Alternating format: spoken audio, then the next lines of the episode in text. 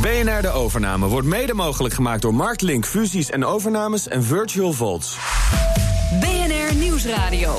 BNR De Overname. Paul van Liemt. Jeroen Bakker was directeur en aandeelhouder van de Europese tak van speelgoedfabrikant Nico. Toen het moederbedrijf na een aantal verkeerde investeringen in de financiële problemen kwam, kocht hij Nico Europe van de Japanse familie over. Tien jaar later verkocht hij het bedrijf aan een Chinese investeerder. Dit is de overname. Ik was aandeelhouder van Nico Europa, eh, 10%. En ja, er moest iets gebeuren. Eigenlijk is dat gewoon het gevoel, het onderbuikgevoel. Je doet het gewoon. En het was nogal een eh, negatieve sensatie. Dus wat dat betreft hadden we wel een balans met elkaar... waarbij zij eh, het vertrouwen hadden dat op deze manier de naam zou voortbestaan. Dan krijg je ook letterlijk de sleutel van de kassa. Op het moment dat je in die verkoop zit en je bent daarmee ja, toch wel dag en nacht bezig eigenlijk... dan neem je al een beetje afscheid. Het beheerst wel een redelijk gedeelte ja. Ik zie mezelf misschien meer als ja, iemand die dingen probeert uit te vinden. Je was directeur Nico Europe. Eh, waarom heb je het overgenomen? Nou, het was een leuke kans, denk ik. En eh, ik wilde met name eh, vanwege de financiële zorgen die er heerste... wilde ik het bedrijf in stand houden. En er was maar één manier om dat te doen, en dat was overnemen. Je zegt eh, vanwege de financiële sores, dan kun je denken, nou, dat is ook een eh, mooi moment om daar eh, gebruik, CQ misbruik van te gaan maken. Ja, misschien is het half-half. Het was een, een keuze. Kijk, eerder komt zo'n zo'n kans denk ik niet op je pad. Ik was aandeelhouder van Nico Europa, zoals dat zo mooi heette. eh 10%. En ja, ehm, er moest iets gebeuren. Dus vandaar. Er moest iets gebeuren. Jij dacht, het is voor jou ook een kans, voor het bedrijf ook, maar voor jouzelf dus ook. Een, een mooie kans, financieel gezien ook, want ze moesten wel. Ja. Maar eh, hoe heb je de overname gefinancierd? Eh, privé. En hoe kwam je aan het geld, als ik vragen mag? Nou, hypotheek op je huis nemen en eh, dat soort zaken. Ja, je hebt echt dit soort grote risico's genomen. Ja, we moesten wel eigenlijk. Het was de enige kans die ik had om dit te doen. En dan ben je, zoals dat zo mooi heet, ondernemer. En dan vanuit het ondernemerschap ga je denken en risico's nemen. En eigenlijk is dat gewoon het, eh, het gevoel, het onderbuikgevoel. Je doet het gewoon. Maar ja, dan eh, is dit het echte ondernemen. Dus ook de, letterlijk de grote risico's nemen. Ja. Waren het eh, moeilijke onderhandelingen? Nou, de onderhandelingen vielen wel mee, gezien de problematiek waar, eh, waar Nico zich mee eh, omzoomd had. Eh, het was niet best. En ze stonden op het punt van omvallen. En uiteindelijk had iedereen zoiets ja, maar jongens, we hebben toch een mooie naam, we hebben een goed bedrijf. En door die ene fout die we gemaakt hebben, moet het toch niet allemaal naar de knoppen gaan. Dus toen is eigenlijk het nieuwe plan relatief snel erdoor gedrukt. Daar kunnen we uren over praten, moeten we vooral niet doen. Maar wel even voor het beeld. Wat was die ene fout? Ehm, ze hadden geïnvesteerd in een, eh, in een vrij eh, nieuw product, wat ei- eigenlijk buiten hun scope lag. En daardoor is de fabriek in eh, Maleisië, beursgenoteerd, omgevallen. En het was nogal een negatieve sensatie. Ja, en dan kun je dus denken, in, op dat moment kunnen we overleven. Gaat het bedrijf überhaupt nog door? Was het zo erg? Ja. Letterlijk, dat was zo erg. De, de, de mensen die er werkten, het was een familiebedrijf die ja, de ziel, zaligheid en zeker in Japan, want het was een Japans bedrijf, eh, hun vader had dat bedrijf eh, opgezet. Dus hè, dat, eh, dat was wel de, de, de, de gouden regel van het moet blijven bestaan. Want anders Het betekent het ook voor Japanners denk ik ook gezichtsverlies voor de familie. Bijzonder, ja, bijzonder. Misschien is dat wel het allerbelangrijkste. Ja, daar zijn ze, daar zijn ze bijzonder gevoelig voor. Dat is, dat is echt voor ons Europeanen niet zo te begrijpen. Zoals wij daar zichzelf zouden pijnigen, eh, geestelijk gezien, eh, jaren en jaren achtereen, omdat zij die ene fout gemaakt hebben. Dat, dat, dat is, ja, het is men- is onmenselijk, wou ik zeggen. En dan gaan ze zo ver dat ze het zomaar durven af te staan aan de Nederlander. We hadden een relatie met elkaar. Ik werkte natuurlijk een aantal jaren. We hebben in die tijd, eh, voordat ik het overnam, eh, genoeg geknokt met elkaar. En ook genoeg in, eh, een karaokebar een, een borreltje gedronken. Dus wat dat betreft hadden we wel een balans met elkaar... waarbij zij het vertrouwen hadden dat op deze manier de naam zou voortbestaan. En dat was het allerbelangrijkste. Je bent heel vaak in Japan geweest, hebt dus op heel intensieve wijze met deze Japanners samengewerkt. En nog, kun je zeggen eh, wat het grote verschil is tussen Nederlanders en Japanners als het gaat om, om zaken doen? Ehm, Japanners vertrouwen je persoonlijk niet. De eerste twee jaar kijken ze de kat uit de boom. En daarna hebben ze besloten van, we vertrouwen je. Dan krijg je ook letterlijk de sleutel van de kassa. En daar zijn ze heel erg makkelijk met eh, beslissingen nemen... en vertrouwen in eh, zakelijke beslissingen die je zelf neemt. Ook al staan ze er soms niet achter, zullen ze toch dat vertrouwen niet onderuit schoffelen... omdat ze vinden van, hé, hey, eh, we vertrouwen Jeroen. In dit geval, eh, hij zal het wel weten. Nou is het wel, je vertelt het bijna achterloos, maar uh, ja, het heeft wel twee jaar geduurd. Twee jaar voordat je vertrouwen weet te winnen. Ik bedoel, er zijn mensen die ongeduldig zijn. Ja. Jij lijkt me ook niet het meest geduldige type. Hoe, hoe kon je dit opbrengen? Nou ja, goed, het was in het begin, ik was wat jonger. Het was in 1995 toen ik begon te werken met, uh, met Nico. En dan, uh, ik kwam van een, een, Amerikaans bedrijf af, met totaal andere bedrijfsfilosofieën. Dus dit was aan de ene kant was het moeilijk, want je, je moet veel meer, eigenlijk op, op eigen gevoel moet je dingen gaan doen. Aan de andere kant was het soms heel frustrerend. Want je kwam een prima idee en vervolgens kreeg je geen antwoord. Gewoon niet. En dan vroeg je dat na een week of twee nog eens een keer. En uiteindelijk later merk je van oké, dan was het antwoord waarschijnlijk nee. Maar dat durven ze dan niet te zeggen. En dan, dan liep ik compleet gefrustreerd in de ronde. Maar ah, het geheel klopte wel. En dat geeft je dan genoeg voeding om, om door te gaan. En in die, in die toch wel ingewikkelde speelgoedmarkt uh, proberen daar een, uh, een, een verbeterend marktaandeel nou ja, en, de en de mogelijkheid om je af te reageren. Want je refereerde al aan de karaokebars. Natuurlijk wijd en zijd bekend. Maar ben, ben je er ook echt een liefhebber van geworden, van ja, die karaokebars? Ik ben ontroerd, echt. nee, karaoke, het, is, het is een typisch Japans fenomeen. En ik moet eerlijk zeggen dat het, het, het raar is ook dat wij als Europeanen dat niet kennen. Maar je komt daar binnen en ja, mensen doen de stropdas af, nemen een glas whisky en gaan compleet los met tranen in hun ogen, hun, hun liefste nummers zingen. En, en iedereen uh, accepteert het van elkaar. Het is ook misschien een manier om de collega op een andere manier te bekijken. Want in het keurslijf, zakelijk gezien, gebeurt er helemaal niets op zo'n kantoor. S'avonds gaan ze los. En dat is echt een, een, een zwart-wit situatie. Maar je bedoelt, er gebeurt helemaal niets op zo'n kantoor. Dat wil zeggen, uh, niet één persoonlijk woord wordt uitgewisseld. Het gaat nee, echt alleen iedereen, over werken. Iedereen is zakelijk bezig. Iedereen uh, doet zijn werk zo goed mogelijk. Wil vooral niet de baas tegen de schenen schoppen. Want ja, dat is typisch Japans. Dus dat doen ze zeker niet. En uh, ze voeren hun taken tot in de perfectie uit. Liefst ook zo lang mogelijk. Want ja, dat is ook een Japans eh, dingetje. Die zitten gerust tot 8, 9, 10, 11 uur op kantoor te werken. En daar heb jij jezelf ook vrij snel aan kunnen aanpassen, aan die situatie? Nou ja, goed, op het moment dat je er bent, weet je, wij zijn Nederlanders en pragmatisch. Dus ik, uh, ik had nooit zoveel zin om heel lang in Japan te blijven. Dus ik werkte liever uh, drie dagen, uh, weet ik veel, 15 uur per dag. en dan had ik gedaan wat ik wilde doen. Ik kwam terug. Dan dat ik daar drie weken ging zitten en gewoon mijn rustige acht uur per dag voor de Japanners te pakken. Ja. Dat, dat, ja, dat snapten ze niet en dat hebben we nooit zo gedaan. Nou, is dit een hele interessante overname, omdat het ook meteen, eigenlijk heb je het al verteld, een culturele overname is. Uh, de baas, die schoppen ze niet voor de schenen. Dus jij dacht, nou ja, misschien handig om baas te worden. nou, het was anders. Weet je, de, de, de, oké, de, de, de problematiek in Japan die noopte zelfs de hoogste baas ertoe om toch maar een ding, aantal dingen te doen die hij normaal nooit zou doen. Want iets verkopen of, of zomaar een andere opzet maken, ja, dat is natuurlijk niet zo eenvoudig. Tweede instantie was natuurlijk wel erg belangrijk, die naam. Dus uh, ja, dat gezegd hebben, daar hadden wij een, uh, als, als Nico Europa heel veel problemen in onze nek gekregen die niet onze problemen waren. Het was Maleisië die een, die een probleem had. Alleen hadden het wel mee te maken. En dan zag je eigenlijk de, de, de, de ijsberg op je afkomen. Van, oh jeetje, wat gaat er nu gebeuren? En dan, ja, pragmatische beslissing nemen. En dat met de Japanners overleggen en dat erdoor duwen. Dat was niet eenvoudig. Maar uiteindelijk hebben ze daar toch uh, eieren voor de geld gekozen. Heel belangrijk uiteindelijk voor je reputatie. Ook dit heeft lang geduurd hè, voordat dit echt herstelt. Dus ook weer een, een proces van een paar jaar. Ja. Uh, hoe ging je om met uh, de hiërarchische, verhou hiërarchische verhoudingen in Japan? Want je was de baas, maar natuurlijk wel een baas, ook al kenden ze je goed, uit een andere cultuur. En dat blijft lastig. Uh, je blijft onder ze staan. Je moet niet proberen eroverheen te gaan en, en met een grote mond en dit en dat. Je moet het samen doen. Maar hoe doe je dat als baas uh, onder ze blijven staan? Nou, gewoon teamspeler zijn. En dat is dan genoeg. En als je weet uh, hoe de karakters van sommige van de collega's in elkaar zitten, dan kan je er ook goed op anticiperen. En dan weet je dat je niet gelijk met de botte bijl erin moet gaan. Maar gewoon uh, proberen een oplossing te vinden op de zachte manier. Dat is vaak gelukt. En passen dat sowieso al bij jouw karakter? Of heb je jezelf een paar keer, als je heel eerlijk bent, geweld aan moeten doen? Nou goed, daar mogen anderen over oordelen. Maar nee, dat mag ik, heb, ik, heb, ik heb een grote mond en ik, ik ben heel ja. uh, emotioneel. En ik, ik oh. neem, neem, snel uh, beslissingen. Maar aan de andere kant, ik vlieg niet over de tafel heen van jongens en zo gaan we het doen. En, uh, en het mes moet op tafel. Ik probeer daar ook een politieke oplossing in te vinden. Nee, maar emotioneel type dat snel beslissingen neemt. Ik bedoel, dat staat echt in contradictie met alles waar de Japanners voor staan. Ja, en dat was ook wel een mooie spanningsboog die we hadden met elkaar.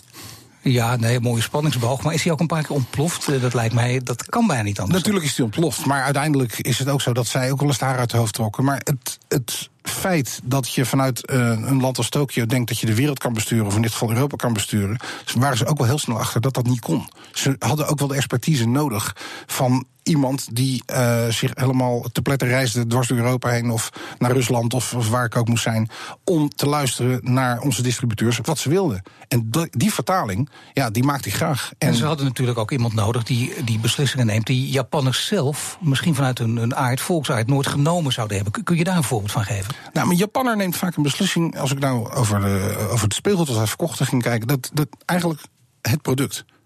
De Japaner had zoiets van: het is een mooi product, dus het moet verkopen. En voor de rest, marketingtechnisch niet goed.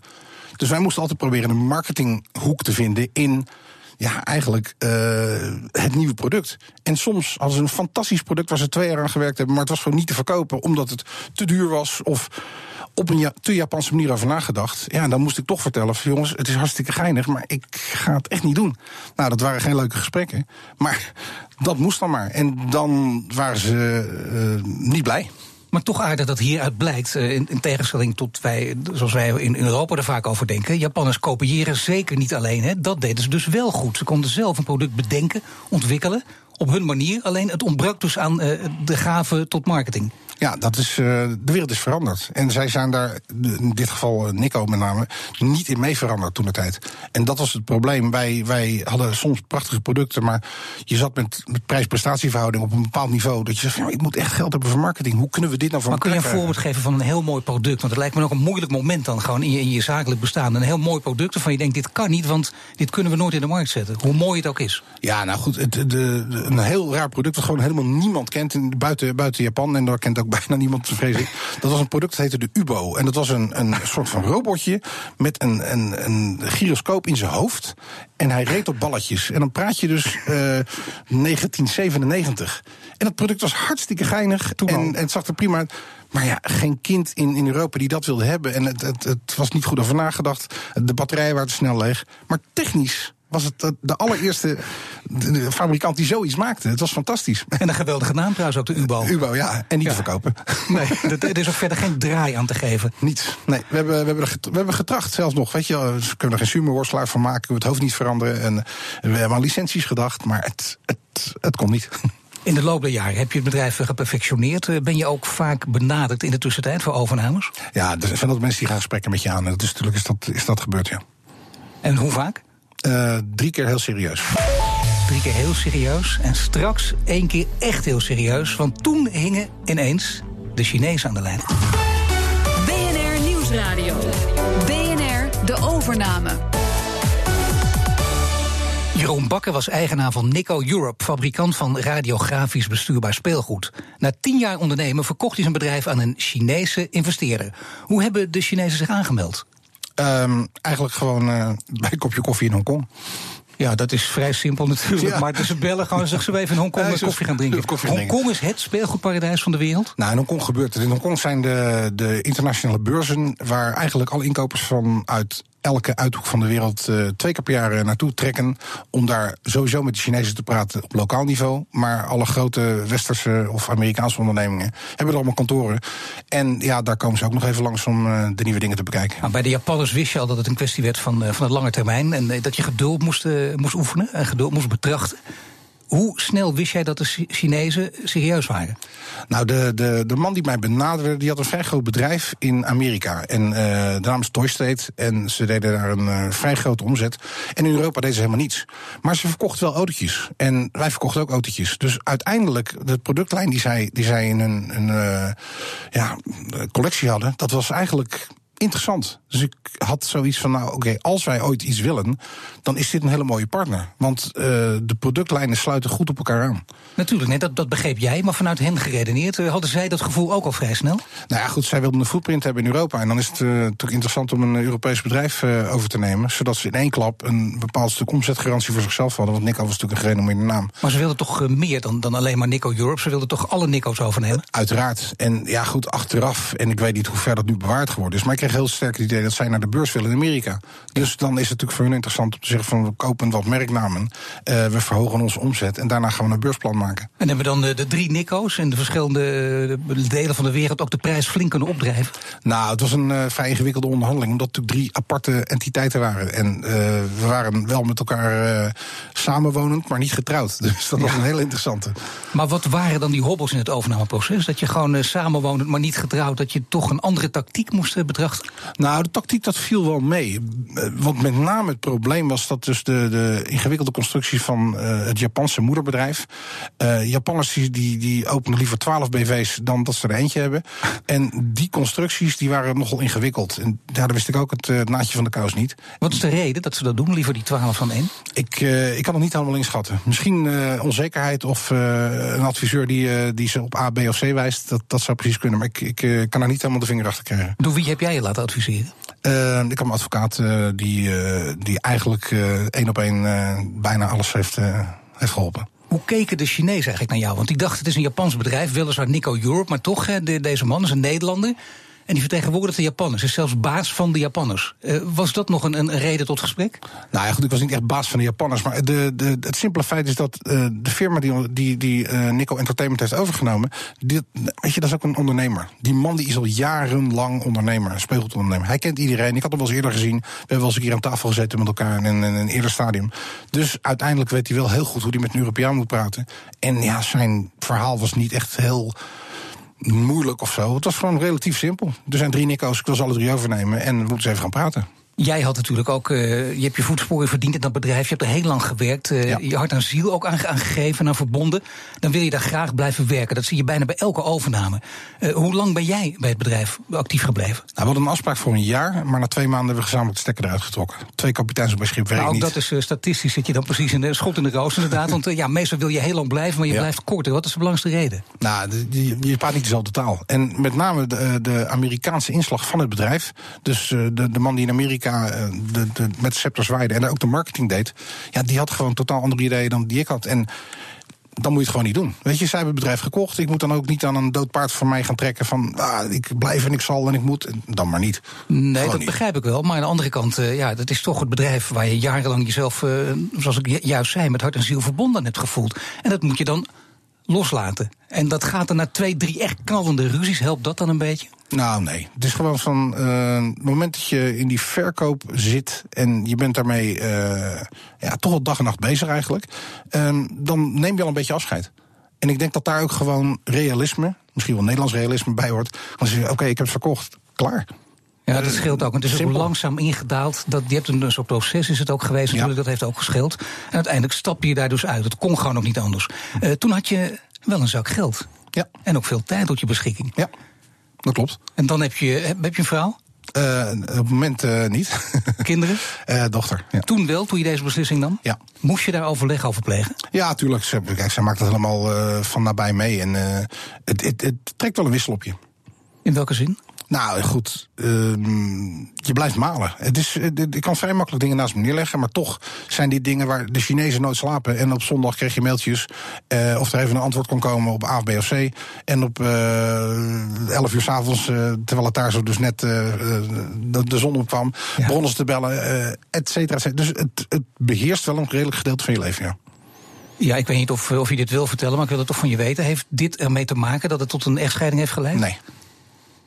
Dit werkt zelf dus niet. Dit malen nee, en jij nee. niet weten wat je wil doen. Nee. Jullie waren ook samen over eens dat je deze beslissing moest nemen. Nou, kijk, ik kan in mijn eigen karakter gaan, uh, gaan graven en daar nu een heel nou, verhaal dat kan over soms geen kwaad. Maar dat doe ik regelmatig. ja. maar, maar nee, de basis is uh, de, de, onrust van de ondernemer. Laten we dat zo maar even zeggen. En sommige ondernemers die denken, ik ben nu binnen, heerlijk. Ik ga lekker alleen maar elke dag golfen en een beetje zo aan mijn gemiddelde werken. Maar daar had jij geen zin in. Nee, dat doe ik niet.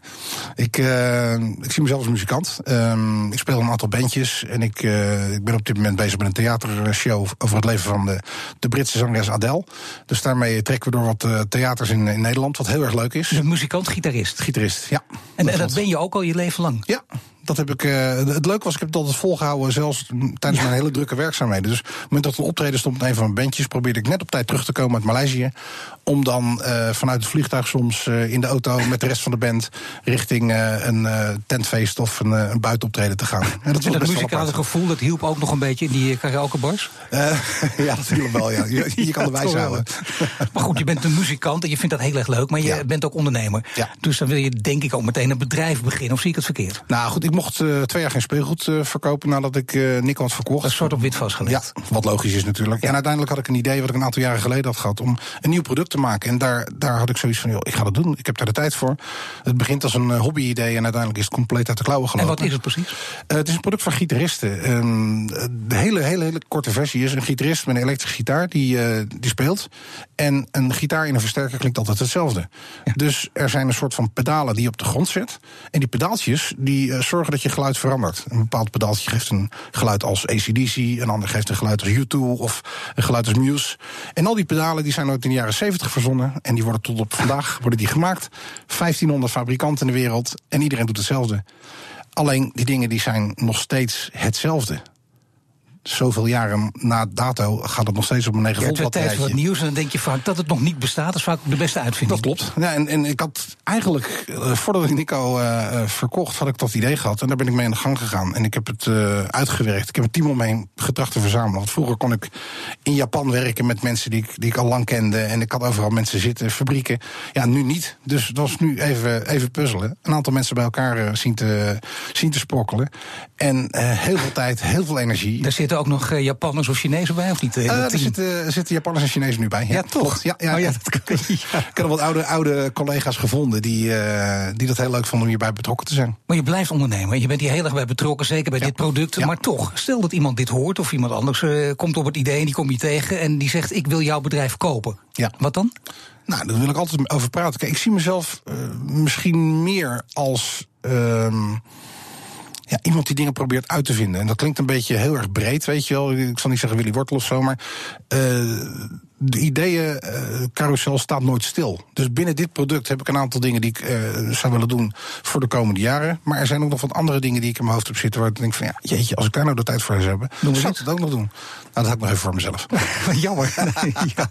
Maar dit waar je nu mee bezig bent, is niet alleen maar een grap. Dit is heel serieus. Niet alleen maar omdat je geld hebt en, en een leuk speeltje nu hebt. Maar dat je denkt, dit is iets en dit hoop je ook met winst te verkopen. Nou, het, ik, weet je, het gaat me meer om het product. Uh, het product wat ik gemaakt heb is, is uniek. Het is er nog niet. Het is net op de markt. We hebben dus nu een, een dikke week geleden onze website geopend.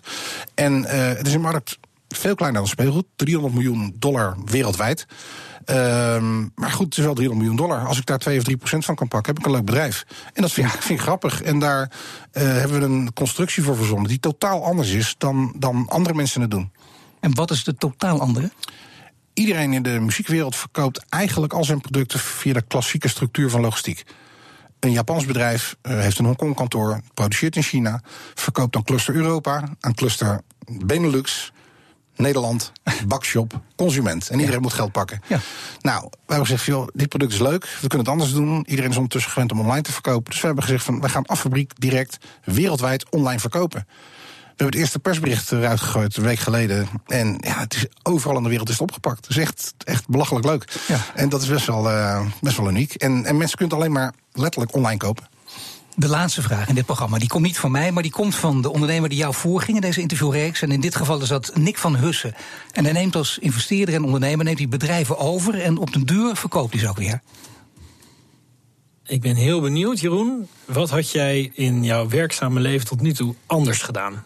Er zijn dingen waar ik op terugkijk waar ik niet trots op ben. En uh, wat had jij nou anders gedaan? Dat vind ik leuk om te horen. Ja, dus iets waar je ook wat minder trots op bent en liever anders had gedaan. Moeilijke vraag. Goeie uh, vraag. Goeie vraag, ja. ja. Blij dat u hem stelt. um, even denken, wat had ik anders gedaan? Um, misschien, um, maar dat heeft iets met het karakter te maken van, uh, van, van mezelf. Uh, had ik mij iets meer moeten verdiepen in de psyche van collega's om mij heen. Het zij uh, in Japan, het zij in Europa. Um, ik neig naar doordraven. En uh, als ik doordraaf, dan ben ik soms net een, een dolle stier. Dan is het alleen wat ik even voor me heb, uh, kan ik dus zien. Ik denk dat, uh, ik ben ouder geworden, dat ik daar wel zeker als ik zou weten wat ik nu weet, anders mee gaan. Ja, nou, dat, dat is bijna een uitnodiging om door te gaan. Met een dolle stier wil ik nog een uurtje praten. Maar nu mag jij zelf een vraag stellen aan de gast van, van volgende week. Dat is Alex Huigen. Die kocht met zijn dochter en met zijn schoonzoon kocht hij Meeboe. En dat is marktleider op het gebied van staattafels. Nou, beste Alex, ik, uh, ik hoor dat jullie familiebedrijf zijn. En wat mij intrigeert is bij familiebedrijven, en zeker ondernemers die een vrij groot bedrijf opzetten, hoe houden jullie het vol zonder onnoemelijke ruzies te krijgen? Want de meeste, meeste ondernemers zijn eigenwijs. En met een familie moet je met z'n allen constant om de tafel zitten. Dus ik ben heel erg benieuwd. Oké, dank je voor dit gesprek. Dit was de overname. U kunt dit programma terugluisteren via bnr.nl/slash overname. BNR De Overname wordt mede mogelijk gemaakt door The Room en Marktlink Fusies en Overnames.